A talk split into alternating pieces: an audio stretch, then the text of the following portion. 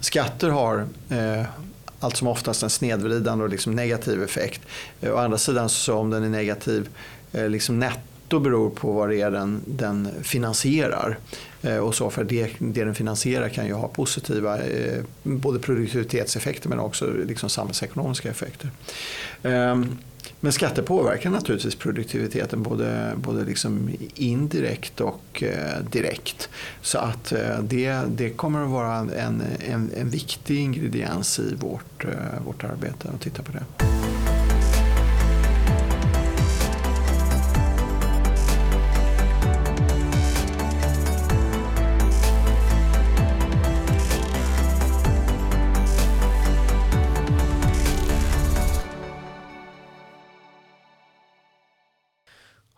Lindblad är doktor i nationalekonomi och ordförande för den av regeringen relativt nytillsatta produktivitetskommissionen. Hans Lindblad har forskat i arbetsmarknadsfrågor och tidigare bland mycket annat varit statssekreterare på Finansdepartementet, ordförande för ESO och generaldirektör på Riksgälden. Idag är det jag, Erik Bengtzboe, som har den stora glädjen att intervjua och få säga varmt välkommen till Skattebetalarnas podcast.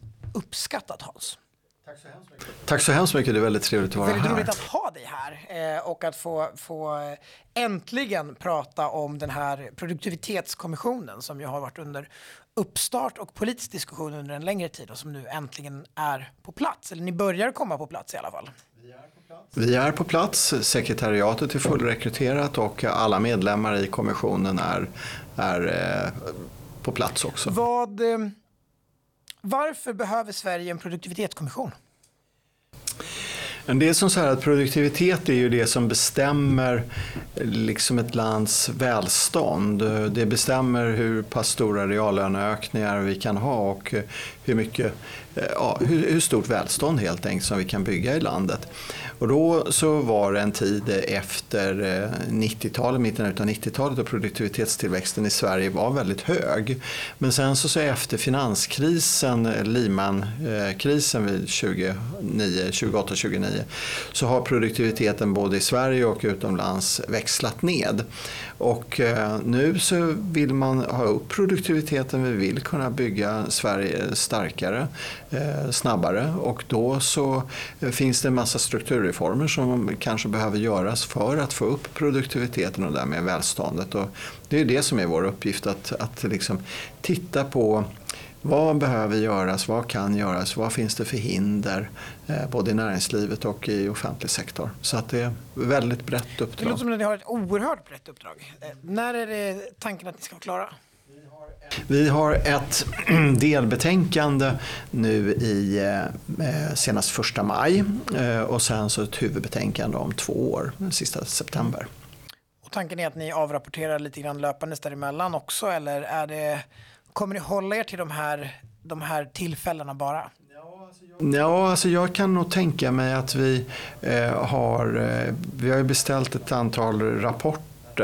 När de publiceras så kan det finnas skäl att kanske ha seminarier kring dem, eh, samla ihop det för att få någon liksom, tråd i det så att det inte liksom bara upplevs som ett eh, ostrukturerat rapportregn eh, utan att liksom, binda ihop det och ha en diskussion i kanske olika, i någon form av seminarieform och, och så också för att ja, men kanske provtrycka lite olika idéer innan man jobbar klart det. Så att, men den där formen har inte riktigt satt sig än så vi får väl se hur, hur det blir men, men det är ambitionen i alla fall att vara att inte liksom ha bara vid två skilda tillfällen. Det ska bli väldigt intressant att följa eh, och se vad både vad ni kommer fram till som, som bör genomföras, vilka reformer som läggs fram, men också vilka diskussioner som faktiskt behövs för att liksom syresätta den, den politiska debatten i Sverige när det gäller detta. Eh, Sveriges tillväxt är ju inte direkt imponerande just nu och vi bedöms ju ha bland de lägsta tillväxttakterna i EU. Både mätt som BNP per capita och i ren produktivitet har vi som du var inne på sedan ett par år vant oss vid att vara nere på nivåer som vi egentligen inte sett sedan, sedan sent 80-tal, tidigt 90-tal. Är vi hopplöst efter eller finns det mycket vi kan påverka i detta? Jag tror att det är som så att eh, på aggregerad nivå så, så ligger vi liksom någorlunda, det beror på lite på hur man mäter, vilka årtal och så man väljer, men, men någorlunda i paritet med omvärlden. Men sen så tror jag att det är viktigt att förstå att inom vissa sektorer, där är vi väldigt framgångsrika. Där ligger vi kanske vid vad man skulle säga produktivitetsfronten. Men sen så på andra områden så kanske vi ligger ganska dåligt till. Och då är det, det är inte kommissionens uppgift liksom att, att, att eh, beforska och liksom putta fronten framåt utan det är mer att identifiera var var de glappen mot eh, fronten finns. Så exempelvis är då att vi kommer att titta på andra länder som kanske är mer framgångsrika än vad Sverige är på, på vissa områden. Men på vissa områden så, så eh, har vi nog en ganska god känsla av att Sverige ligger, ligger bra till. Så att det, och eh, min uppfattning, bestämda uppfattning är att vi, eh, politiken har väldigt goda möjligheter att påverka produktiviteten med, med olika typer av eh, reformer och det har vi ju visat historiskt att vi har gjort stora strukturella förändringar i svensk ekonomi, svenskt samhälle som har, har givit bra avkastning. Det är ju det är intressant du säger för att det är ju många utvecklade ekonomier som ju har svårt att upprätthålla en hög produktivitet eller har haft svårt på sistone att få igång sin produktivitet eller hur man nu ska uttrycka det. Är det liksom en platå vi befinner oss på vad kan vi i sådana fall se till att vi skiftar ur den platån? Ja, det är det som vi bland annat måste titta på och eh, vi kommer att ha expertrapporter som, som eh, försöker att förstå liksom var i, eh, varför har vi den här nedväxlingen sen efter, efter Lehman-krisen. Och jag tycker inte att det är kanske till 100 procent liksom välförstått. Och utifrån det så, så får vi ju se. Men sen så tycker jag att bra politik, alltså bra strukturpolitik, eller strukturpolitik ska jag säga, är alltid bra politik om den är liksom balanserad.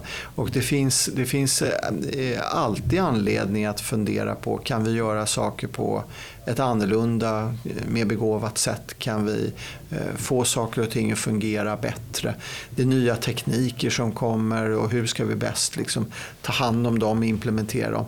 Alltså det, vi har ju en, utveckling, en teknisk utveckling och en annan typ av utveckling som eh, ja, det gäller att tillhandahålla, eller tillvarata den eh, så på, på ett, ett smart sätt helt enkelt. Men det är klart att det kan väl finnas tendenser till platåer ibland. Och det är klart att också Lehman-kraschen var ju så väldigt speciell i, i sig och eh, har givit stora liksom, efterverkningar. Eh, och så. Men sen ska man komma ihåg att låg produktivitet under vissa perioder, det är inte jag säker på att det är eh, dåligt. För att det kan vara ganska kostsamt att rekrytera folk. Eh, att få tag i rätt kompetenser och, och att de dessutom är utbildade och, och, skolade på en arbetsplats. Om man då får ett, ett efterfrågebortfall som är kanske lite utav mer tillfällig karaktär, då kan det vara liksom lönsamt för företaget att, att hålla kvar personalen även om de inte liksom är sysselsatta till 100 procent. Eh, och, och då kommer det att registreras som låg produktivitet.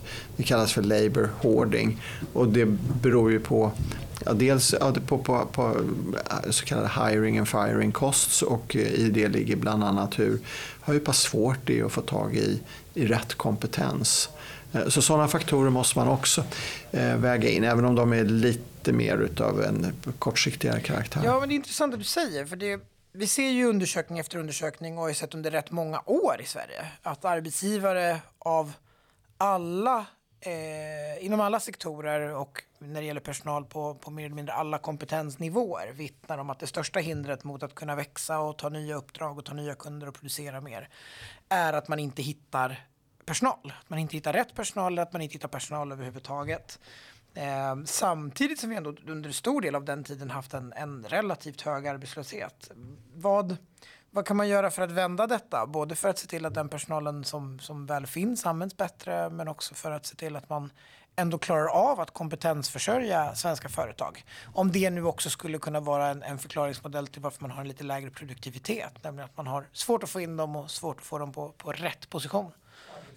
Alldeles oavsett om det, hur det liksom eh, påverkar produktiviteten så tycker jag att politik som får in folk i arbete alltid är bra.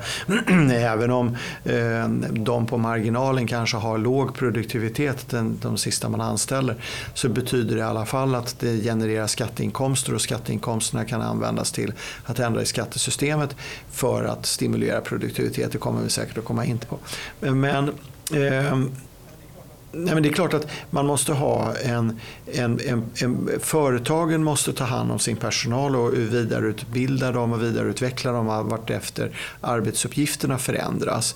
Och sen så, så måste vi ha en integrationspolitik eh, och en arbetsmarknadspolitik som är fokuserad på eh, matchning.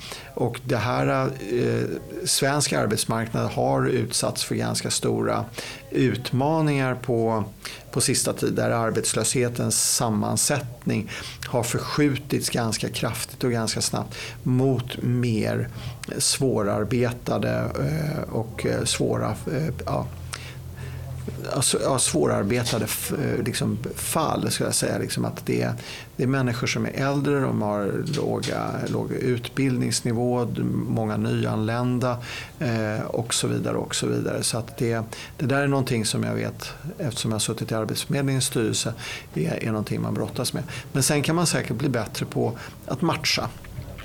Men där måste jag också säga att, att eh, eh nedgången i långtidsarbetslösheten som gick upp ganska kraftigt i samband med pandemin har varit förvånansvärt stor. Det var inte någonting som jag hade förväntat mig. Så det är någonting som ändå eh, fungerar lite bättre än vad jag i alla fall hade trott. Men det förtar inte att det finns många arbetslösa och det som behöver rustas och sen matchas mot, mot arbete. Så där, där finns det kvar att göra för politiken. Och när det gäller då möjligheten för arbetsgivare att, att hitta rätt kompetens i, i den miljön. Handlar det om att man behöver skifta om vad människor gör? Behöver vi flytta oss högre upp i förädlingskedjan? Använder, jobbar människor för lite eller med fel saker? Eller har vi helt enkelt för lite kompetens i landet? Behöver vi ha en större tillförsel vid arbetskraftsinvandring? Eller hur ska man lösa kompetensproblemen där egentligen? Alltså ja, men alltså det är ju ett utbildningskunskapsglapp eh, eh förstås bland en hel del av de som är långtidsarbetslösa och de som är eh, svår placerade. Eh, och det kan ju vara både utbildningsmässigt men det kan också vara erfarenhetsmässigt. Så det måste man jobba på. Sen så kommer det nog, får man nog vara beredd på att det alltid kommer att finnas liksom bristyrken. Och hur den försörjningen ska se ut det, det kan man ju lösa på olika, problem, eller olika sätt. Eh, och, och bland annat genom möjligen att, att eh, plocka in också folk från, från utlandet. Det kan ju vara Eh, särskilt viktigt med om man har vissa typer av spetskompetenser som man, man söker. Jag tror att man måste jobba brett. Eh, det finns liksom ingen quick fix på på detta. Men eh, ja, hålla ett, hålla ett högt tryck i frågan är viktigt. Som opinionsbildare och även från politikens sida vill man gärna känna ha quick fixes. Att det skulle finnas en enkel lösning som så att säga, löser alla problem. Det hade varit väldigt smidigt. Det görs väldigt Absolut. bra debattartiklar att kunna påstå att så är fallet. Just det. Nej men det finns det inte, det tror jag. Utan man måste jobba brett. Eh, utan det, och eh, med, med många olika inriktningar och så, så får man se till att de samverkar på ett, ett bra sätt. Men det handlar ju också förstås om att jobba med incitamentstrukturer. Eh, det som kallas arbetslinjen också så att man har, eh, ja, uppmuntrar folk att gå till, till arbete. Det behövs också alltid liksom, säkerställas. Är det några sektorer eller områden i Sverige som, som du särskilt tycker sticker ut positivt eller negativt som ni kommer titta mer eller mindre på? Alltså det är för tidigt att säga det för att vi, har, eh, vi håller på att analysera det och vi kommer ha en expertrapport som eh, ska svara på den frågan var vi ligger efter. Men det finns en studie gjort av IMF, Internationella valutafonden, eh, 2015 tror jag det var, och som pekar ut att vi ligger bra inom, till inom IKT-sektorn men desto sämre inom bygg och anläggning. Så att, bara för att ge en, en liten smak av vad det kan komma det är ju en, en rätt hårt reglerad sektor, bygg och bostadssektorn i Sverige. Så där finns det säkert goda möjligheter för också att, att faktiskt ha politiska beslut som kan ha en påverkan på produktiviteten. Jag tror att överhuvudtaget så är att se över hur regler tillämpas, omfattningen och tillståndsprocesser med mera är, är, kommer att vara frågor som vi behöver och vill titta på. Är det några länder som är särskilt intressanta att jämföra Sverige med?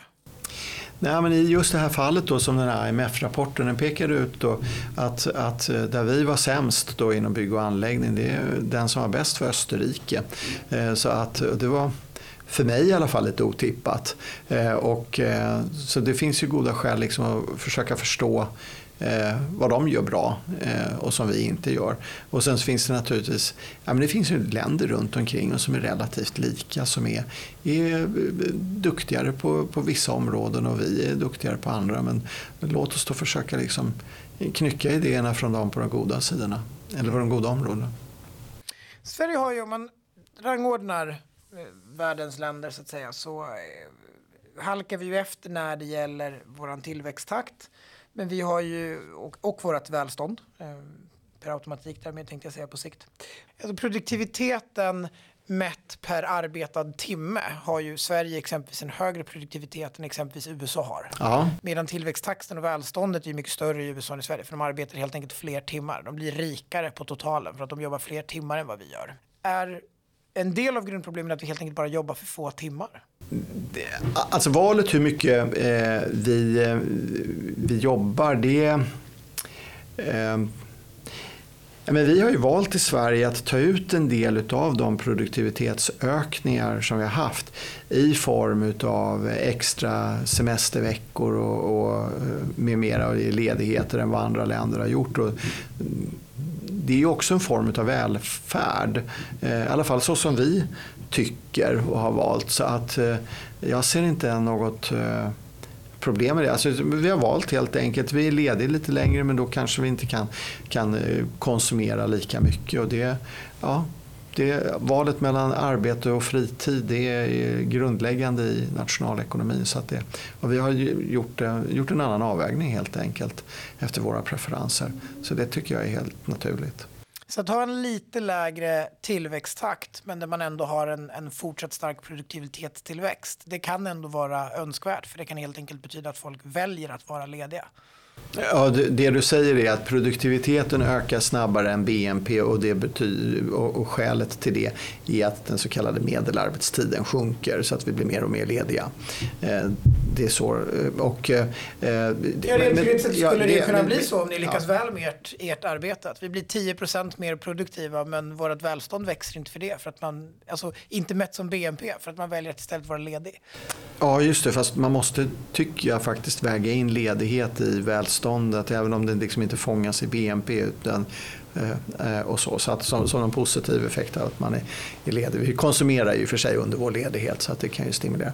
Men, men eh, nej, jag tycker att det, det har inte jag något problem med. Eller det är inte det som kommer vara vårt uppdrag att se till hur människor ska allokera och hur ett samhälle ska allokera tiden. Om det är till produktion eller till ledighet. Utan vi ska försöka se till så att den tid som man producerar Eh, då sker det på ett så smart och begåvat och, och bästa sätt för att liksom höja välståndet. Men hur vi sen fördelar välståndet över, eh, över olika faktorer, det, det blir andras problem.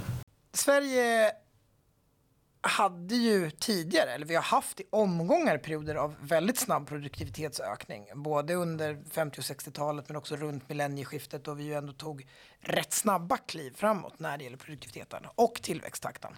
Eh, vad skulle du säga förklarar de snabba utvecklingsfaser vi har haft tidigare? De, vad skulle du säga förklarar de rekordperioder vi har haft tidigare? Finns det någonting vi kan lära av det i den här processen nu? Det finns det säkert.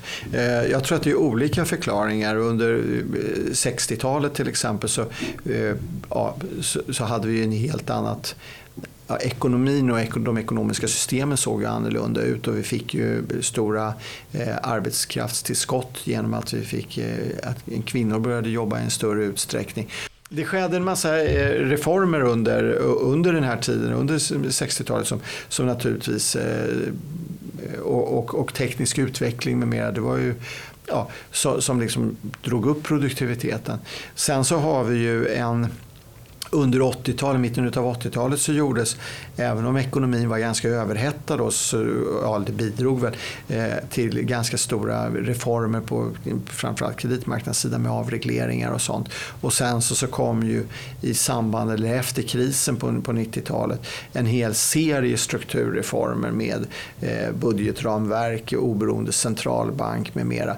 Och det här har varit viktiga saker för att få liksom en institutionell stabilitet Eh, och som då är också en, en grundförutsättning för eh, ett välfungerande samhälle och produktiviteten i samhället. Eh, så det finns säkert saker att, att titta på där. Under första halvan av 2000-talet så var det också, skedde en, en hel del utbudsreformer på, på arbetsmarknadssidan. Vilket vi hade ganska stor glädje av sen när Lehman-kraschen kom. Att vi inte slog ut arbetskraft på samma sätt Eh, som under 90-talskrisen. Ja, och dessutom så var det ju en, en rad marknader som tidigare var under väldigt stark offentlig kontroll som ju också avreglerades, inte minst under 90-talskrisen och inför 90-talskrisen, bland annat kreditmarknaden som du var inne på. Ehm, finns det några sådana lågt hängande frukter idag för att öka svensk produktivitet? Har vi, har vi områden och sektorer som är hämmade av för mycket statliga regleringar? Jag tror att det finns eh, det finns god anledning till att titta över regelbördan och tillståndsprocesser. Eh, om det sen leder till... Vi har, eh, jag är inte riktigt säker på i vilken, om vi kommer och i så fall i vilken utsträckning vi kommer liksom att pröva om det är liksom slutna sektorer som borde konkurrensutsättas. Det är någonting som vi får, får återkomma till. Men konkurrensutsättning brukar ju leda till bättre produktivitet. Eh, men jag tror att det är ett område där vi bör titta på konkurrenstrycket inom bygg och anläggning. Mm. Och det är ju redan privat i väldigt stor utsträckning. Ja, precis. Ja, det är ju på många sätt och vis ett radikalt annorlunda land, Sverige idag, än vad man var på 80-talet. Och väldigt mycket så till det bättre. Eh, men det är fortfarande intressant att titta på och att inte bli för nöjd med det man, där man står och där man befinner sig. Eh, hur spelar skatter en roll i att förklara hur läget ser ut i svensk ekonomi och vår produktivitetstillväxt? Alltså jag tror att man, ska komma, man måste ju börja med att skatter är till för att finansiera en, en, en hel rad olika saker som vi har bestämt i samhället. Skatter har eh, allt som oftast en snedvridande och liksom negativ effekt. Eh, å andra sidan så om den är negativ eh, liksom netto beror på vad det är den, den finansierar. Eh, och så för det, det den finansierar kan ju ha positiva eh, både produktivitetseffekter men också liksom samhällsekonomiska effekter. Eh, men skatter påverkar naturligtvis produktiviteten både, både liksom indirekt och eh, direkt. Så att eh, det, det kommer att vara en, en, en viktig ingrediens i vårt, eh, vårt arbete att titta på det. Det blir ju också alltid en trade-off mellan ska man göra skattelättnader eller skatteincitamentstrukturer som, som eh, uppmuntrar ett visst deltagande och liksom styr visst beteende som kanske är bra för produktiviteten. Eh, å andra sidan så vill man ha så mycket enhetlighet som möjligt i skattesystemet som möjliggör för innovation och de sakerna som man kanske inte i dagsläget kan se. Hur ska ni jobba med de här olika bitarna och hur ser du på det överhuvudtaget? Ja, men jag, jag tycker att det, det är en, en, viktig diskussion för att det låter oftast, eller allt som oftast som att liksom enhetlighet är liksom, eh, ja, det, det det, det som är alltid är bäst. Och jag är nog av den uppfattningen att så behöver inte alls alltid vara fallet. Utan det kan vara som så att eh, vad som är liksom mest effektivt utifrån ett produktivitetsargument eh, eller tillväxtargument. Det behöver inte alltid vara eh, enhetlighet. Så, att, eh, och, så det måste man, man liksom titta på eh, och eh, fundera igenom relativt ordentligt tycker jag faktiskt. Så att det, vi får se var vi landar. Det, men det är inte givet att eh, det är ja, det bästa. Samtidigt så är det klart att enhetlighet har ju det goda med sig att det, då blir det ju väldigt mycket liksom enklare eh, och så. Men det kanske inte ändå inte är det mest effektiva. Så det, det får man ställa sig, ja, titta på helt enkelt. Och, alltså man kan ta ett exempel. Det är sannolikt eh, bättre utifrån ett sysselsättningsperspektiv att vi har en låg inkomstbeskattning i de absolut lägsta eh, inkomstgrupperna för att stimulera människor att träda in på arbetsmarknaden, gå från en bidragsförsörjning till att försörja sig på eh, med, jobb. Eh, och då så eh, tror jag att, att ha en, en låg skatt i de delarna av inkomstfördelningen eh, kan vara mer effektivt än att ha liksom en platt skatt för he över hela inkomstfördelningen. Samtidigt har ju Sverige skadligt höga skatter skulle jag säga på absolut låga inkomster men framförallt också på höga inkomster. Mm, rent fördelningspolitiskt, skulle det finnas möjligheter att höja svensk produktivitet genom att sänka skatterna brett? Eller skulle det ha andra negativa konsekvenser ur ert perspektiv? Men alltså, det, det, här, det rymmer flera delar. Jag tror eh, att det finns skatter som man skulle sänka dem så, så skulle det medföra positiva effekter eh, på produktivitet och tillväxt. Eh, men en viktig sak är också att när man gör en strukturförändring och jag tror att strukturförändringar är som sagt är alltid är bra politik i grunden. Så är det så att de får fördelningspolitiska effekter och de där måste man hantera för att eh, få en acceptans för de förändringar som man gör. Och får man, för att får man ingen acceptans för dem, ja, då blir de aldrig genomförda och då är man ju liksom tillbaka på ruta noll. Så det där är viktigt att tänka igenom. Men, men som sagt, så att man måste hitta på det hittar liksom kompensatoriska mekanismer som i, när man håller på med strukturpolitik alldeles överhuvudtaget. Så att man får liksom en, en, en, en, en önskad eh, och i alla fall rimlig träffbild vad det gäller hur det här påverkar olika människor i olika delar av livet men också i olika delar av inkomstfördelningen.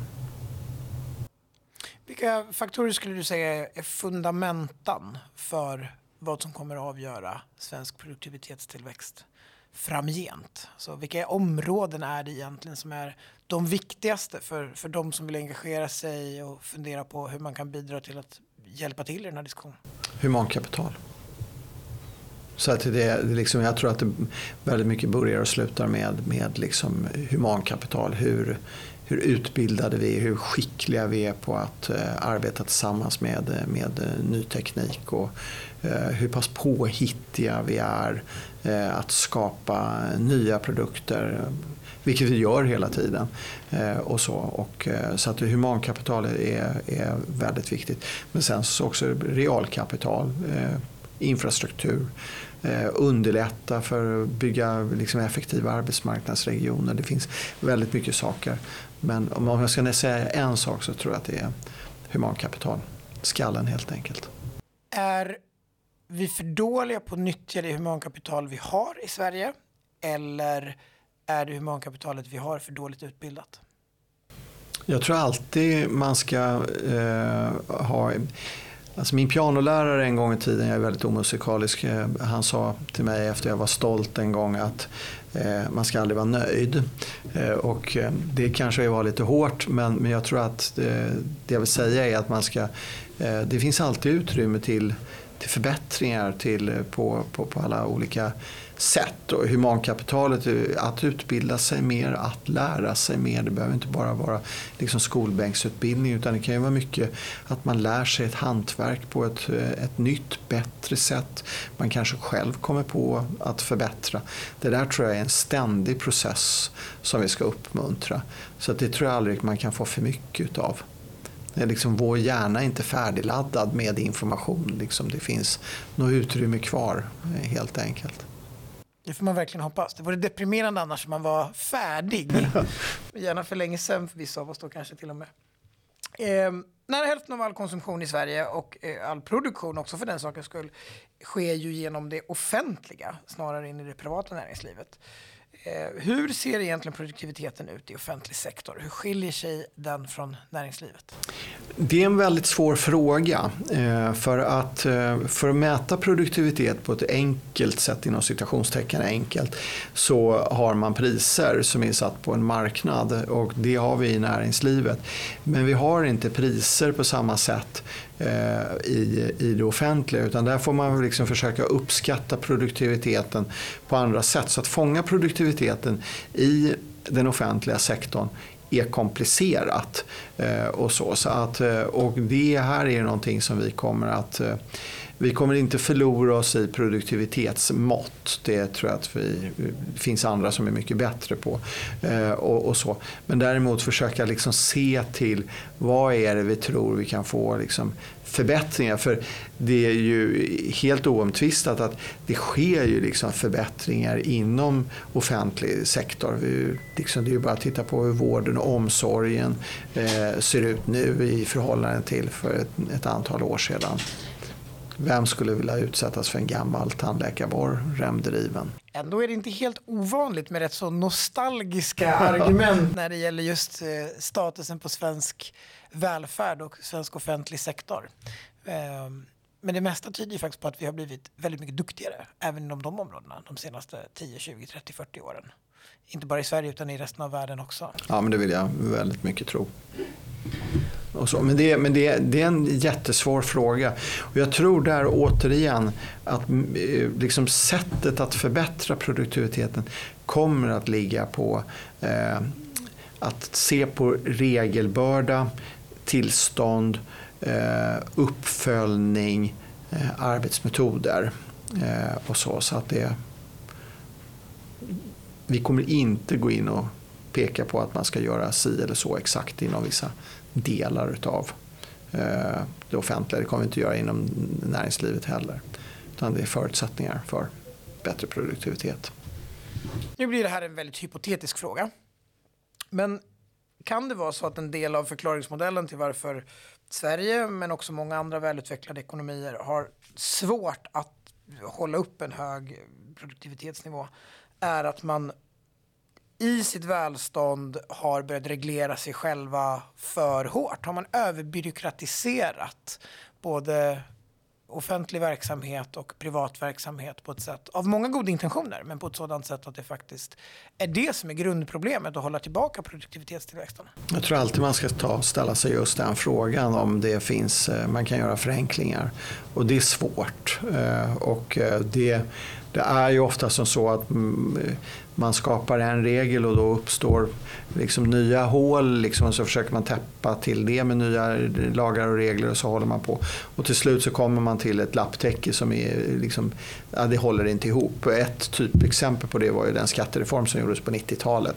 Då tog man ju liksom ett generalgrepp och sen så eh, ändrade man på, på systemet ganska så mycket från grunden. Eh, behöver kanske inte gå så långt.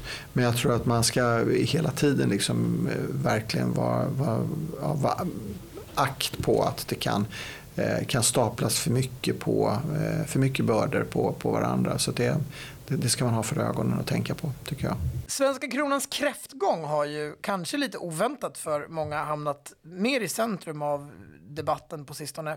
Eh, hur påverkar en svag krona vår produktivitet? Är det så att vi dopar vår export lite med en svag krona till och med kanske? Ja, alltså eh, en svag krona leder ju i alla fall kortsiktigt till ett, ett eh, lägre omvandlingstryck. Och ett omvandlingstryck kan vara eh, viktigt för produktiviteten med att man har det som kallas för kreativ förstörelse och eh, att man, någonting nytt kommer istället för att någonting gammalt som får liksom fasas ut. Och det är ju en, en princip som vi har tillämpat under väldigt lång tid i Sverige och eh, hela fackföreningsrörelsen eh, har ju också då stått bakom det här att man, man har den typen av processer eh, och varit liksom, ja. Eh, så, eh, sen så, så tror jag att eh, en svag krona eh, leder på sikt till en högre jämviktsarbetslöshet. Eh, och det enklaste argumentet eller förklaringen till det är att det kan inte vara i grunden någonting positivt att vi blir fattigare. Eh, och så. så att på det sättet så är jag eh, också eh, utav tron att det kan sänka produktiviteten. och så, så att det, och, och sen så, så kan man vända på det. en viktig faktor att förklara, åtminstone i teoretiska modeller, en, en så kallad real växelkurs, alltså konkurrenskraften i en ekonomi, det är ju med produktivitet. Hög produktivitet leder till en starkare växelkurs. Och hur självständiga är vi när det gäller både eh, vår växelkurs men också vår produktivitetstillväxt? Hur mycket av detta kan vi egentligen påverka i Sverige och i vilken mån är ert arbete sen i behov av att också ske reformer i en internationell kontext, inte minst då gemensamt med andra europeiska länder inom EU? Eh, till en del är alltså, eh, ett svar är ju att vi är ju ett, litet och väldigt exportberoende land så att det är klart att vi eh, är beroende av omvärlden. Men man kan också säga som så att vi, vi kan ju ta väldigt mycket positiva influenser från omvärlden också i vår, ja, lära av den import vi har och sen använda i våra exportprodukter. Men sen så jag är fullständigt övertygad om att vi kan göra saker i Sverige eh, som förbättrar svensk ekonomis funktionssätt alldeles oavsett om man gör motsvarande i, eh, i omvärlden eller inte. Så att liksom det i annat fall så skulle den här produktivitetskommissionen eh, ha ett mycket, mycket svårare jobb om vi också skulle övertyga Europa att göra de saker som vi själva kommer fram till bör göras i Sverige. Men det kanske skulle behövas? ja, men det är en annan fråga. Avslutningsvis Hans skulle jag vilja eh, fråga dig, vad, hur ser du på, på, på läget i svensk ekonomi just nu? Var, var tror du att vi befinner oss? Och hur tror du att eh, en eventuell lågkonjunktur som vi kanske befinner oss i redan eller är på väg in i kommer att påverka vår produktivitet och därmed ert arbete? Jag tror att vi är i en fas där svensk ekonomi kommer att sakta in lite mer. Exakt hur mycket är svårt att säga. Eh, men, men det är, kommer snarare gå ner ett tag innan det börjar gå upp igen. Eh, det kan påverka produktiviteten som jag var inne på förut negativt eh, genom just den effekten att, att företag väljer att behålla arbetskraft då det är svårt och dyrt att nyrekrytera. Och så. Så att, men Eh, utifrån mitt arbete eller kommissionens arbete. Så vi ska jobba liksom mer långsiktigt. Så liksom, vi ska inte förlora oss liksom i dagsaktuella eh, svängningar. Utan de förslag som vi lägger, de ska man kunna liksom genomföra både i goda och i, i sämre tider. Eh, helt enkelt. Så att vi, vi, ska, vi ska ha liksom den längre sikten för ögonen. Så det blir vårt liksom, perspektiv i det hela. Det låter mycket klokt och det ska bli väldigt spännande och roligt att få, få följa ert arbete. Och jag tror att vi kommer ha anledning att återkomma många gånger här på Uppskattat till vad ni faktiskt gör i produktivitetskommissionen. Så att jag hoppas att vi får chansen att ha dig tillbaka när ni också har börjat djupdyka lite mer i de olika områdena och kanske till och med landat i några slutsatser eller reformförslag som vi säkert kommer ha anledning att nagelfara. Eh, men tack så hemskt mycket för att du gästade Uppskattat Hans. Mm, tack själv, det var väldigt trevligt att vara Uppskattad är en podcast från Skattebetalarnas förening. Vi arbetar för låga och rättvisa skatter, rättssäkerhet för skattskyldiga och minskat slöseri med skattepengar. Vi bildar opinion och folkbildar i skattefrågan. Vi lever som vi lär och tar bara emot frivilliga bidrag. Uppskattar du podden så kan du gärna ge oss ett högt betyg i din app och vill du medverka till att Sverige blir ett land med minskat slöseri och rimligare skatter så stödjer du oss enklast genom att bli medlem. Läs mer och bli medlem på www.skattebetalarna.se bli medlem.